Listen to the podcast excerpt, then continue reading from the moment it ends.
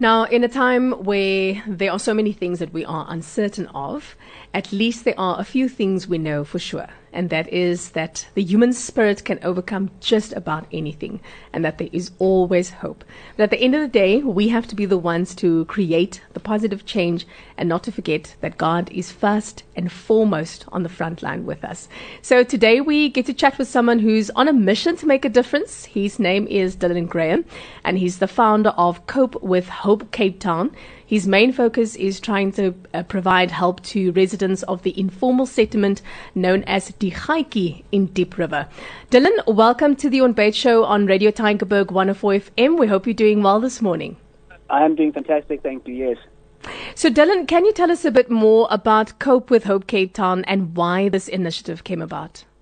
Sure. Um, I originally wanted to start Cope with Hope as a mental health initiative to help um, at-risk youth in formal settlements and underprivileged areas who didn't have any access to information about mental health or who may be battling with mental health issues themselves and not fully understand what was going on or how to handle it or even how to ask for help.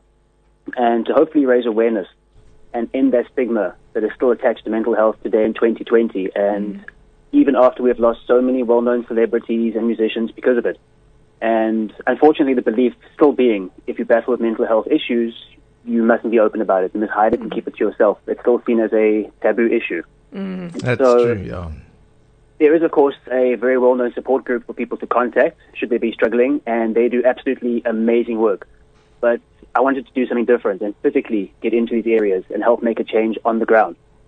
So I initially started Cope with Hope back in 2017, mm-hmm. but due to my own battle with mental health issues, I lost that drive and focus to make it a reality. And almost gave up on the idea. But every few months, I would sit down and consider trying again and again, but I just couldn't reach that starting point. And unfortunately, this past week, Thursday morning, a fire broke out in the settlement that you mentioned here in mm, Diep River. Yeah. And 11 were completely destroyed, and 11 families, including nine children, very young children, aged between 3 and 12, lost absolutely everything from personal documents to school clothes, everything you can imagine. And it was actually at this moment that I knew now is the time to make Cope with Hope a reality. Mm-hmm. And not to sound harsh or selfish, but I felt it was a sign that it was now time to step up and make that change. Yes. And of course, with so many settlements, people have this preconceived notion of what goes on. And unfortunately, many of the residents have had a history of criminal activity, and many are reliant on alcohol or substances just to make it through the day, which leads to domestic abuse and violence.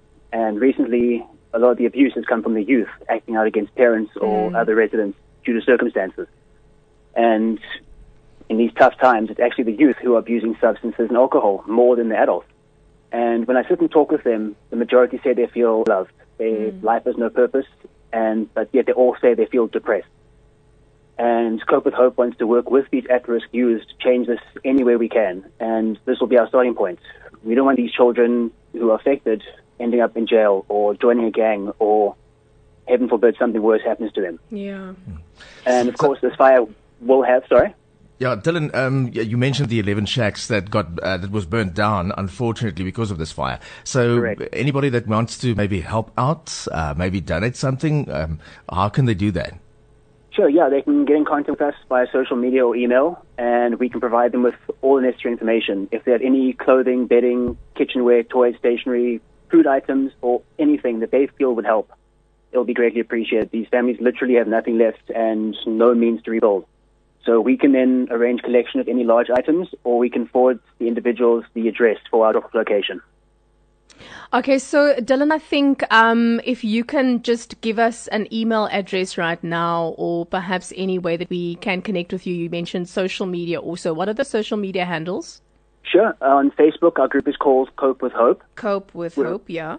Yeah, we're on Twitter and Instagram with the handle at Cope with Hope CT.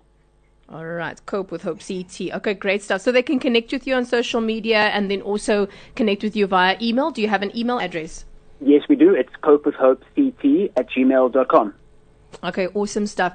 Dylan, I just want to say, um, you know, from, from ourselves personally, I'm sure Anton feels exactly the same way, um, that for you to uh, actually have the background of mental health and then, you know, going into this and trying to help out others is just so admirable and I think so amazing. And you must keep doing what you're doing and keep pushing forward.